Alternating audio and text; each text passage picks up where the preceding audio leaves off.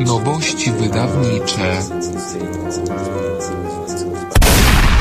Cześć, witam Was już w szóstym odcinku programu o książkach polecanych przez serwis Infra. Mówi Skubany.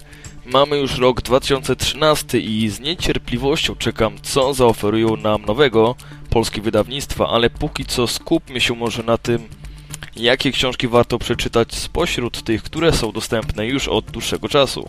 Z pewnością każdy, kto śledzi portal Infra wie, że w roku 2012 promował on e, niezwykle ciekawą książkę Lloyda Paya pod tytułem Najbardziej zagadkowa czaszka. Lektura rzeczywiście jest fascynująca, dotyczy historii, która mogłaby się stać kanwą filmu sensacyjnego lub porządnego dokumentu. Niezwykła czaszka licząca sobie około 900 lat, a znaleziona w szybie starej kopalni na terenie Meksyku, już od dłuższego czasu wprawia w zdumienie naukowców z Ameryki i Wielkiej Brytanii.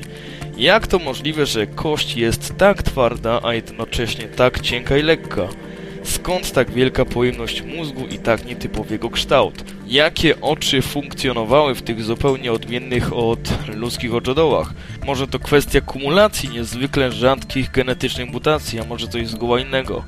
Na te i inne pytania odpowiedzi poszukuje właśnie Lloyd Pye, kontrowersyjny amerykański badacz i wykładowca zajmujący się m.in. badaniem pochodzenia człowieka. Tylko jedno w tej sprawie jest pewne, mamy do czynienia z najbardziej zagadkową czaszką.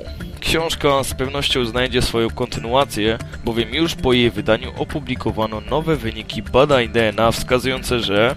Ale o tym możecie przeczytać na forum Infra Paranormalne EU. Przenieśmy się e, teraz jednak do Polski, a konkretnie na Śląsk. Jakiś czas temu ukazała się prawdziwa perełka dla miłośników tzw. Tak demonologii, która dla mnie jest właściwie numerem jeden, a mam na myśli mitologię śląską. Podtytuł brzmi Przywiarki śląskie, leksykon i anatologia śląskiej demonologii ludowej. Prawda, że ciekawie się zapowiada? Czy demonologia śląska zasługuje na wyodrębnienie, na specjalne potraktowanie? Czy różni się od demonologii polskiej w ogóle i od demonologii, nazwijmy je, regionalnych? Z pewnością tak, cechą wyróżniającą jest ogromna liczba i różnorodność opowieści wierzeniowych o demonach wodnych, utopkach, o demonach podziemnych, a w szczególności kopalnianych, o upiorach grobowych, strzygach i strzygoniach. W wierzeniach ludności Śląska bogato reprezentowane są również demony specyficzne, własne, rodzime. Czy po tradycyjnej śląskiej demonologii ludowej cokolwiek przetrwało do obecnych czasów? Odpowiedź brzmi jednoznacznie i pozytywnie. Reminiscencje pytań wierzeniowych, swobodnie przekształcanych e, wprawdzie nadal stanowią inspirację dla wielu ludzi. Są tematami deklamacji, inscenizacji, wypracowań i odżywają wreszcie na łamach literatury w prozie i w poezji. Opracowanie zawiera definicję wszystkich demonów śląskich dostępnych w literaturze wraz z wypisami.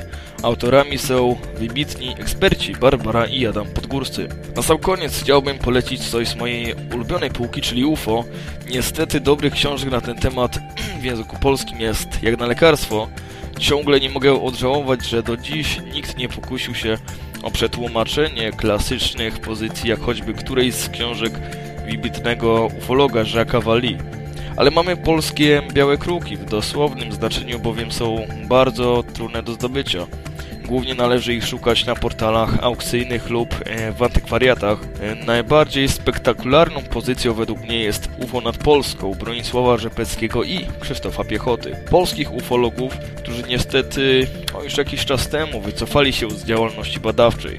Tytuł mówi właściwie sam za siebie. Książka jest zbiorem opisów obserwacji niezidentyfikowanych obiektów latających i bliskich spotkań z ich pasażerami. To kompendium wiedzy dla wszystkich zainteresowanych tym tematem i źródło wiedzy dla współczesnych polskich ufologów. Niemal Biblia, prawdziwy unikat.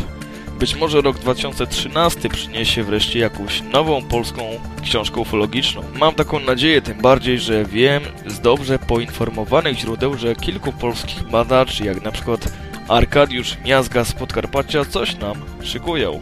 Do usłyszenia.